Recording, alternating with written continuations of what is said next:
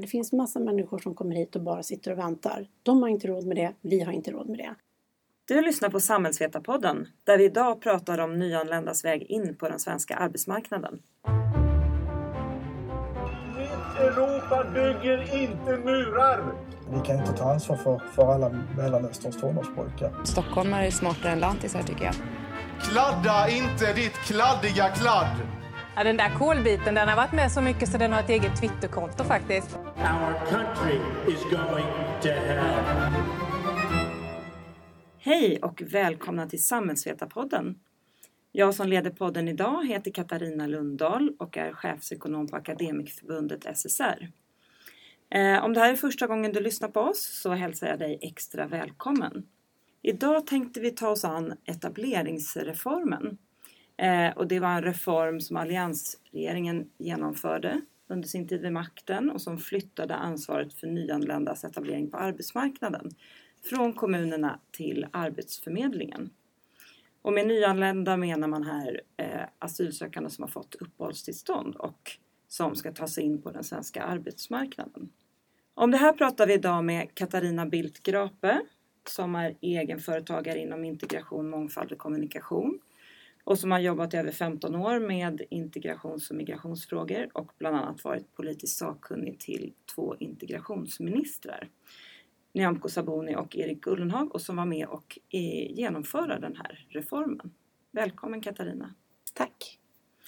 Etableringsreformen trädde i kraft 1 december 2010 och den innebar då att ansvaret för nyanlända flyttades från kommunerna till Arbetsförmedlingen. Varför genomfördes den här reformen? Man kan börja med att konstatera att ansvaret för mottagande har pendlat mellan stat och kommun.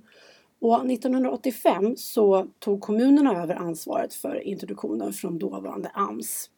Och när vi 25 år senare tittade tillbaka på några resultat så kunde vi konstatera att ja, ungefär 30 procent av de nyanlända hade arbete efter tre år. Det är väldigt få.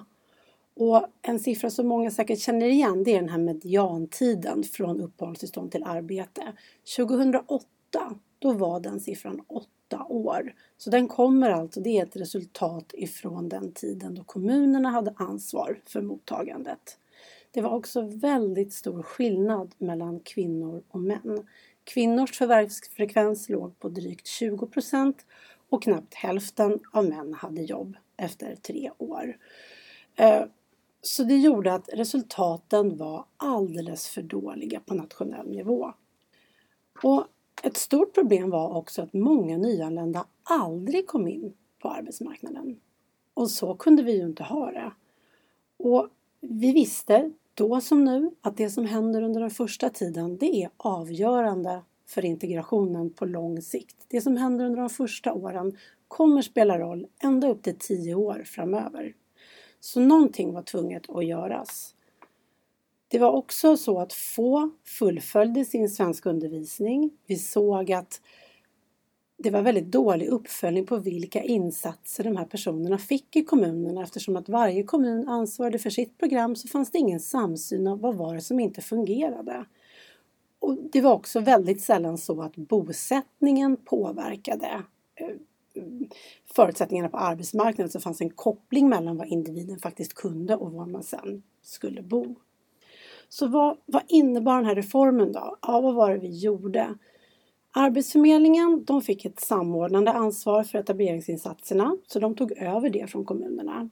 Sen införde vi ett nytt ersättningssystem och då, det innebar att ersättningen som man fick för att vara, delta i insatser den var generell och lika för alla oberoende var i landet man bodde.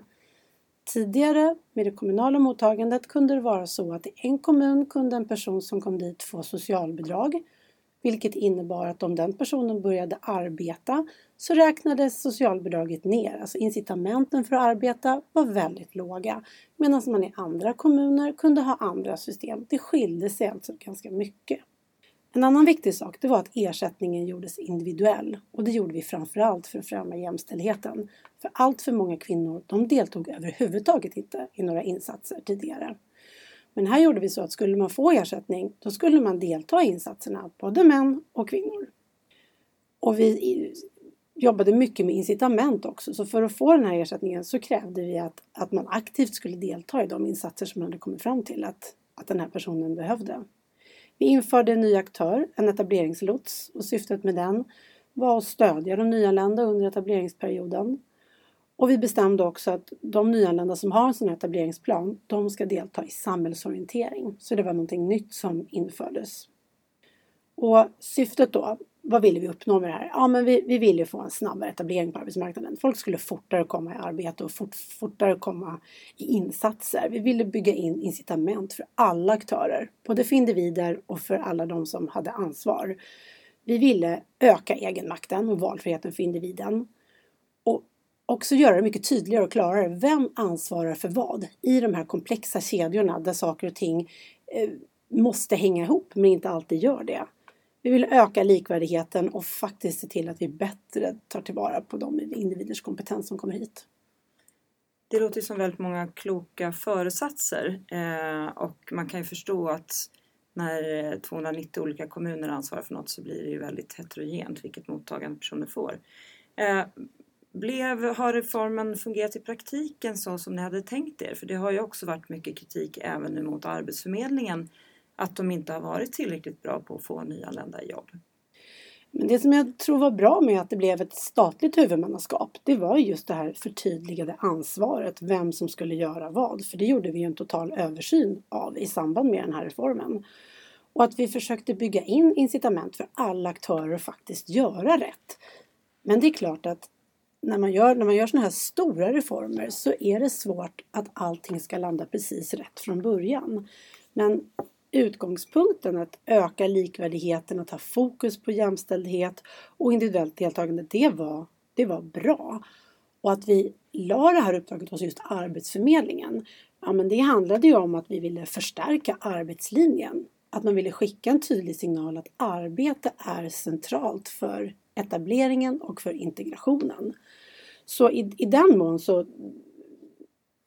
är det för, klart försvarbart att att huvudmannaskapet landade hos Arbetsförmedlingen och om det blev som vi hade tänkt, ja, måste vi ju säga. Därför att det som också hände var att när kommunerna blev fråntagna ansvaret för mottagandet så backade väldigt många kommuner.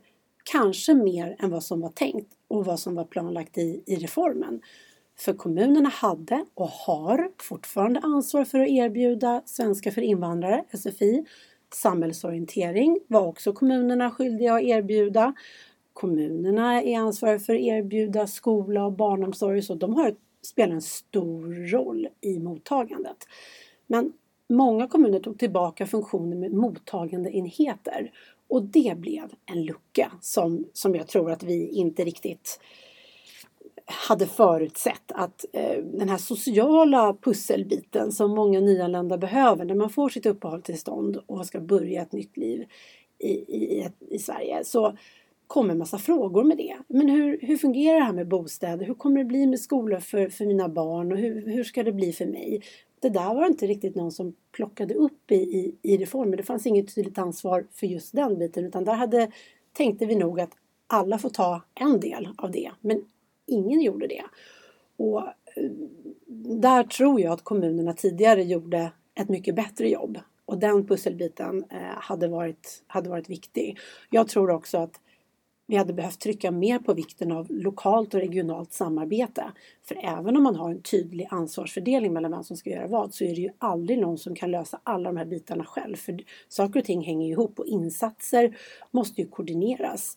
Insatser som kommer från Arbetsförmedlingen måste ju jackas ihop med svenska för invandrare som kommunen är ansvarig för och samhällsorientering. Om inte de här sakerna hänger ihop så blir det ändå inte någon effektiv etableringskedja. Och där skulle samarbetet ha behövt att fungera bättre, framförallt, framförallt ur individens synpunkt. Apropå det här med om reformen blev som politikerna tänkt sig så verkar det ju som att vissa utvärderingar ändå har visat att reformen med att man fört över ansvaret till Arbetsförmedlingen har haft positiva effekter. Finns det risk för att politikerna liksom slänger ut barnen med badvattnet och inte tar hänsyn till det här? Ja, men det tror jag. Man måste komma ihåg att vad som var bakgrunden till varför vi genomförde reformen. Det är lätt att skriva historia med facit i hand. det finns eh, en utvärdering som Stockholms universitet gjorde på uppdrag av regeringen 2015 och den visade, om än försiktiga, så i vart fall positiva resultat. Och den visade att etableringsreformen har medfört att sysselsättningen efter två år var nästan 6% högre och efter tre år 7,5% högre för de som hade deltagit i etableringsinsatser. Och när man tittade på löneläge och inkomster så hade de som hade deltagit i etableringsåtgärder ungefär 20% högre löneinkomster efter två år och 22% högre lön efter tre år. Och det är Och då det- jämfört med de som när man bara var i kommunens försörj. Ja, vad, vad, den här utvärderingen tittade då på de personer som eh, fick uppehållstillstånd från den 1 december 2010 och som var första året i etableringsreformen. Så jämförde man det med den grupp som var sista året, alltså från den 1 januari, vad blir det då? Första eh, januari till 30 november 2010 och som deltog i kommunala introduktionsprogram. Så det är liksom sista året med kommunalt mottagande och första året med etableringsreform. Så följde man den här gruppen eh, och så tittade man på utfallet hur det såg ut 2013 och 2014 för de här grupperna. Så det är ju, eh, det är ju en, en, en bra jämförelse som ger en bild av eh, i alla fall ett, ett nedslag i hur reformen har fallit ut. Och, och det visar ju också att ur jämställdhetssynpunkt så är det fler kvinnor som deltar i insatser. Vi kan också se, det visar inte just den här utvärderingen, men att idag är det fler kvinnor som avslutar och får godkända betyg på SFI. Det beror inte bara på etableringsreformen utan också på det SFI-lyft som eh, alliansregeringen genomförde. Men det faktum att vi införde en individuell ersättning och krav på deltagande från alla har gjort att faktiskt man måste vara med för att få sin ersättning och det har spelat roll för kvinnors deltagande i etableringsinsatser. Eh, en annan kritik eh, som finns mot Arbetsförmedlingen är att det är väldigt långa ställtider. Ehm, mellan till exempel att man får sitt uppehållstillstånd, att man får en etableringsplan och att man kanske får några insatser. Dessutom säger Arbetsförmedlingen själv också att eh, eh, resurstilldelningen per person som är eh, inne i det här etableringsuppdraget har minskat en hel del i och med att det har kommit så många och regeringen inte har tillskjutit motsvarande resurser. Vad säger du om det här? För det är klart att långa, de här, man är ju inne i det här etableringsuppdraget under två års tid och om en stor del av tiden går åt till att bara vänta så är det ju så är det inte så konstigt att det är svårt att komma i arbete. Vad, delar du den här bilden och vad beror det på? Vad går att göra bättre? Men det är klart att när reformen lanserades i december 2010 så räknade vi på att en handläggare på Arbetsförmedlingen skulle hantera ungefär runt 30 eller om det var 40 personer ungefär någonstans där. Idag har jag hört siffror på att handläggare sitter med ungefär 100 personer som de ska ansvara för. Och det är klart att det spelar roll i vilken utfall av kvalitet, handläggningstider och som naturligtvis påverkar eh, tiden i etableringen. Sen är det ju så att det tar alldeles för lång tid innan många av de här personerna överhuvudtaget kommer till Arbetsförmedlingen innan de kan skriva in sig där. Och tiden är en avgörande faktor, inte minst eh, nu när väldigt många har temporära uppehållstillstånd så är ju varje dag viktig och att man då ska vänta i flera månader innan man blir kallad till sitt första etableringssamtal. Det är för individen eh, inte alls eh, bra. Så men jag tror att man måste skilja på, det är klart förutsättningarna för, för Arbetsförmedlingen att göra ett, ett bra arbete är ju svårare om man har så här många personer att handlägga. Det, det är klart. Och det här var, var ett faktum redan innan hösten 2015 vill jag också tillägga. Och med det vill jag säga att, att eh, vi visste då och vi vet nu, det finns många handläggare som gör ett jätteengagerat och bra och viktigt arbete. Men utmaningen handlar mycket om Arbetsförmedlingens eh, organisation och styrningen. Att det är en så stor myndighet med nästan ja, är det 14 000 anställda eh, som ska, ska hantera så här komplexa frågor. Det låter sig ju inte riktigt göras och det är det jag tror vi delvis ser resultatet av. Mm. Arbetsförmedlingen får ju idag mycket kritik från de politiska partierna. Det gäller dels eh, att man är för dålig på att få nyanlända jobb men också generellt att man är för dålig att få arbetslösa i arbete. Eh, vissa ser att lösningen på det här är att lägga ner Arbetsförmedlingen och införa någon typ av eh, jobbsökarpeng eller något liknande. Eh, I vilken mån tycker du att Arbetsförmedlingen är liksom rätt aktör att ha hand om de här personerna eller har partierna rätt i att eh, man borde lägga ner Arbetsförmedlingen och göra på något annat sätt? Jag tror att det finns mycket att vara kritisk till vad gäller Arbetsförmedlingen och deras organisation. Precis som vi var inne på alldeles nyss här. Samtidigt måste man också komma ihåg förutsättningarna för att göra ett bra uppdrag så att man utvärderar utifrån rätt perspektiv. Men om man tittar på eh, hur stor Arbetsförmedlingen ändå har vuxit sig. Det är en myndighet som idag får ja, 74 eller 75 miljarder i anslag per år. Och det är ofantligt mycket medel. Så tycker jag att man verkligen måste ifrågasätta om det långsiktigt är hållbart.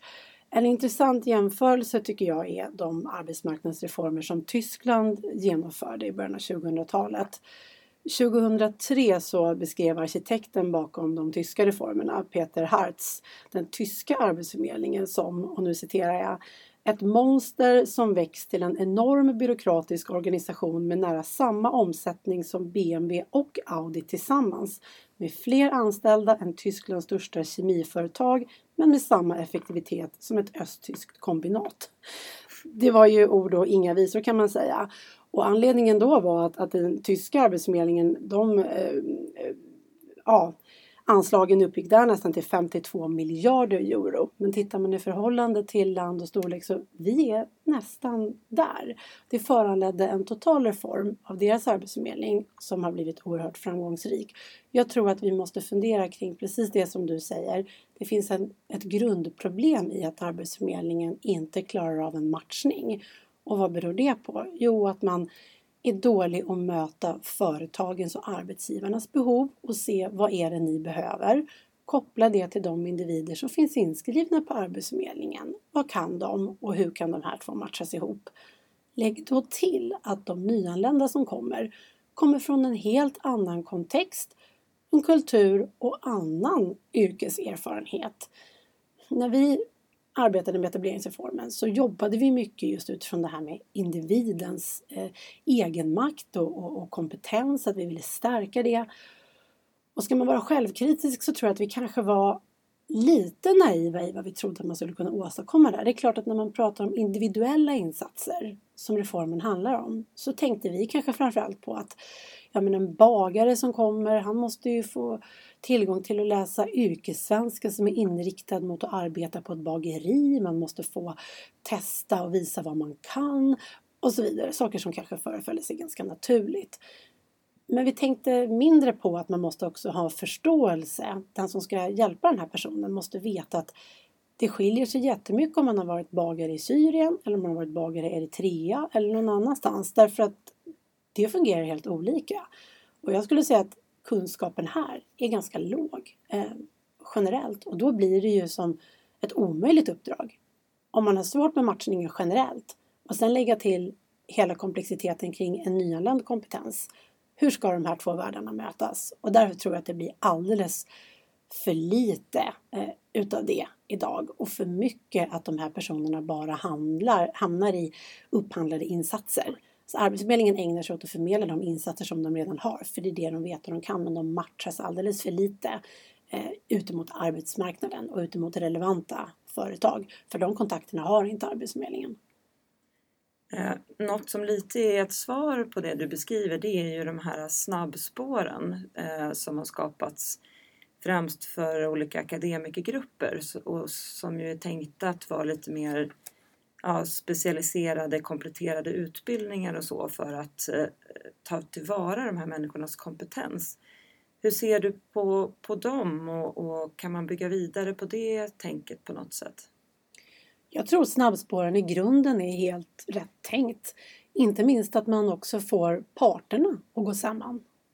Man kommer överens om att ja, vi har brist på arbetskraft i vår bransch kommer man överens om det här, den här målgruppen behöver vi. Man ser det också som en kompetensförsörjning som, som behövs i väldigt många branscher.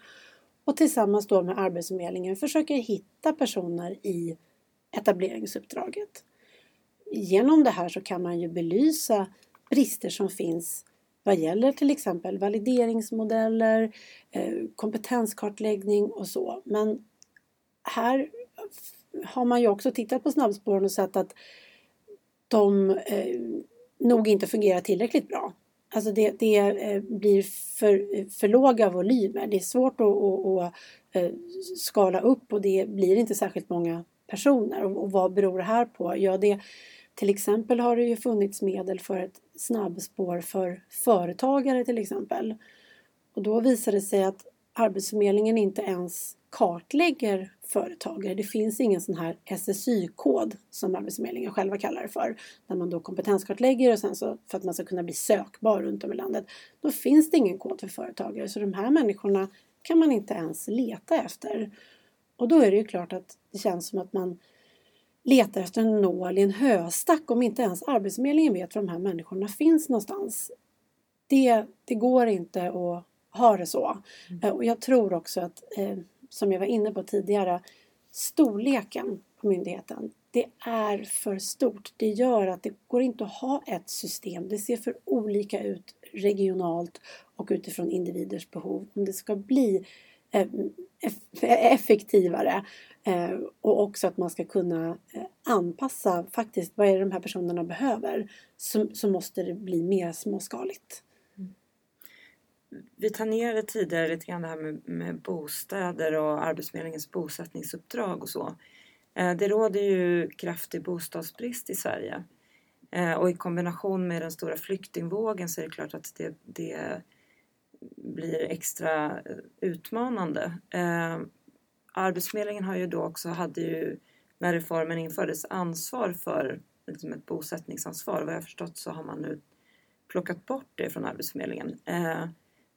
Vad, vad, säger du kring det? Liksom, var det feltänkt att ge det till Arbetsförmedlingen och vilken roll, eller en negativ roll antar jag, har, spelar bostadsbristen idag för att få nyanlända i arbete?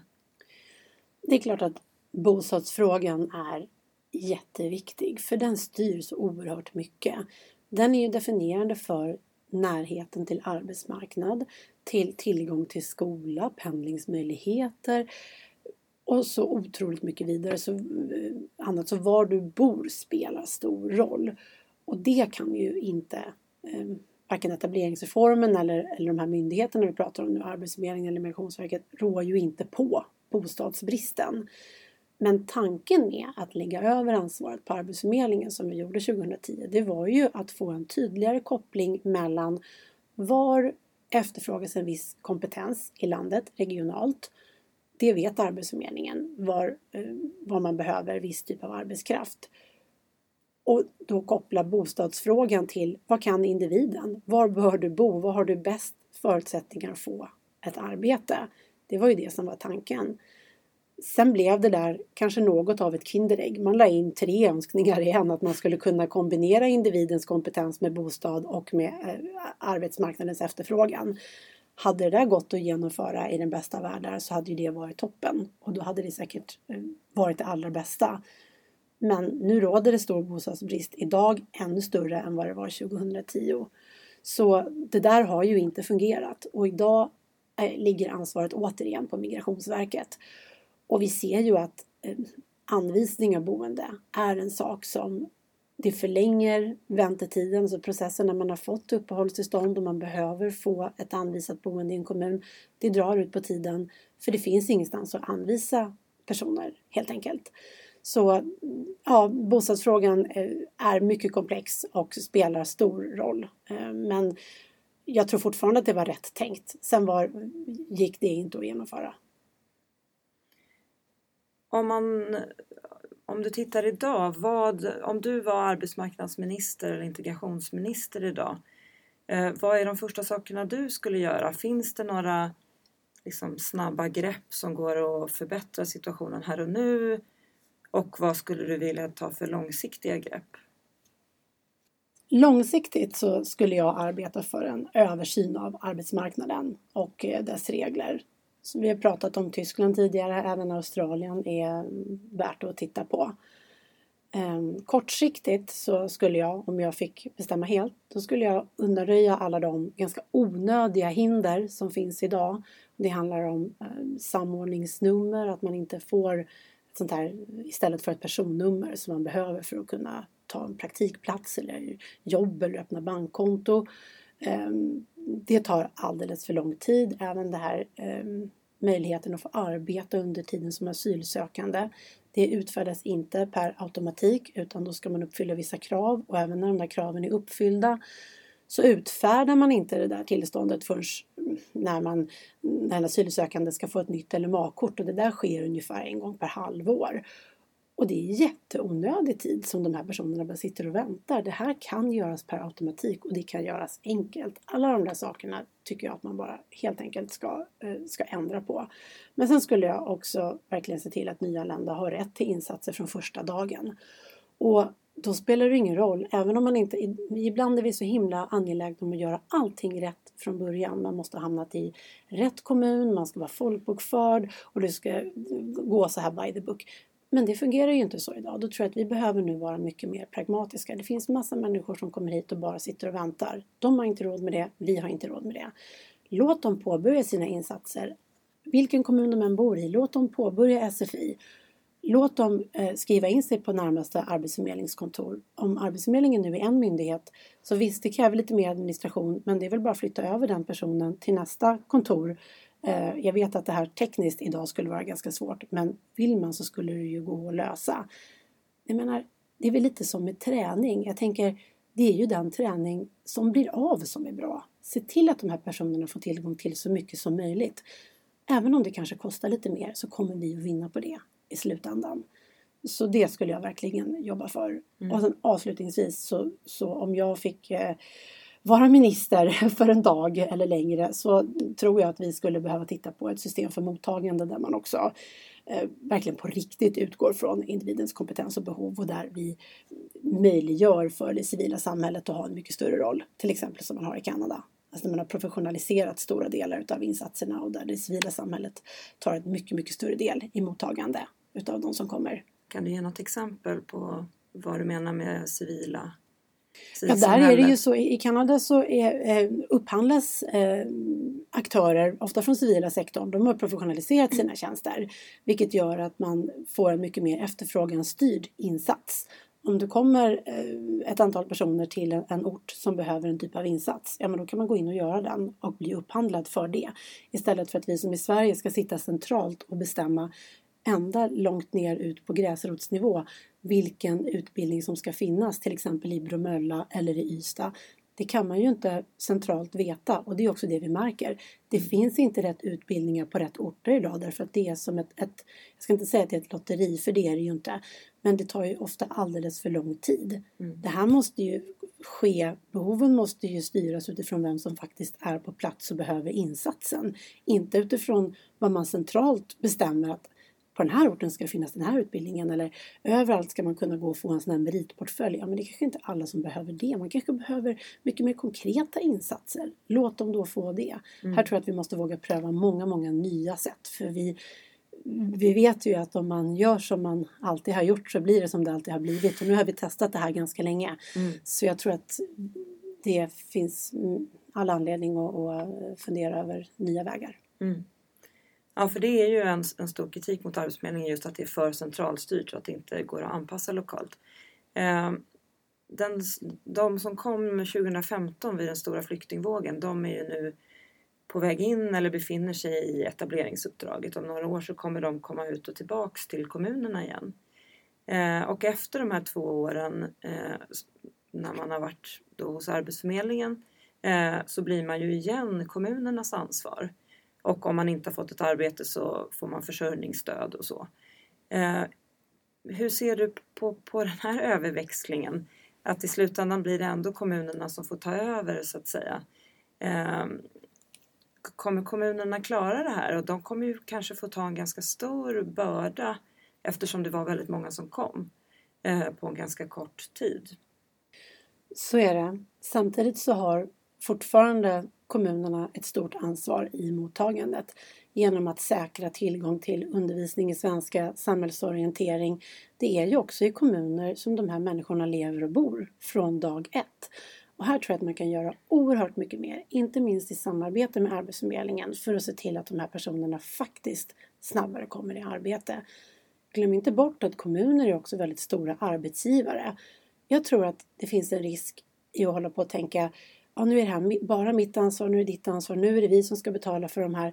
Men tänk istället, vad kan vi göra för de här personerna från dag ett när de är här? Se dem som en, en tillgång. Kavla upp ärmarna, fundera på kan vi erbjuda de här personerna praktik, instegsjobb, nystartsjobb?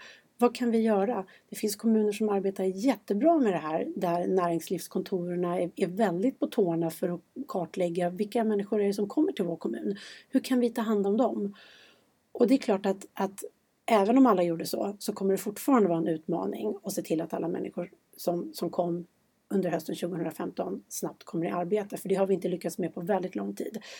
Så det är klart att här, här det finns en stor utmaning. Men innan man eh, jag, jag, tror att synsättet är oerhört viktigt. Att alla ser framför allt vad är det vi kan göra mer av? Vad är vårt ansvar i det här? Hur är, vad är vår del utav, utav lösningen? För där finns det rätt mycket mer att, att, att göra.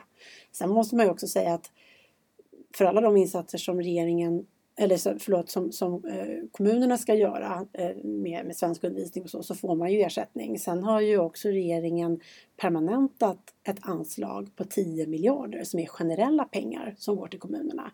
Så här finns det ju också, nu ska de där pengarna naturligtvis täcka väldigt mycket, men det finns ju också i grunden där för att möta ett mottagande och behov använd de här pengarna på ett smart sätt. Se till att det kommer de som, som behöver det bäst till del, för det kommer ni tjäna mycket på. Och det är också så, många av de som har kommit hit är förhållandevis unga och har lång tid kvar på arbetsmarknaden. Det kan bli väldigt, väldigt bra, men det kan också bli ganska dåligt om man hamnar i ett långvarigt utanförskap. Tack Katarina Bildgrape för att du har delat eh, din kunskap med oss idag. Tack. Det var allt från Samhällsvetarpodden den här veckan. Du hör oss igen om två veckor. Samhällsvetarpodden görs varannan vecka och pongar upp stora samhällspolitiska frågor med en facklig vinkel.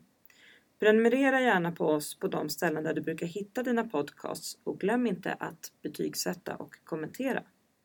Samhällsvetarpodden görs av Akademikerförbundet SSR, Sveriges ledande samhällsvetarförbund.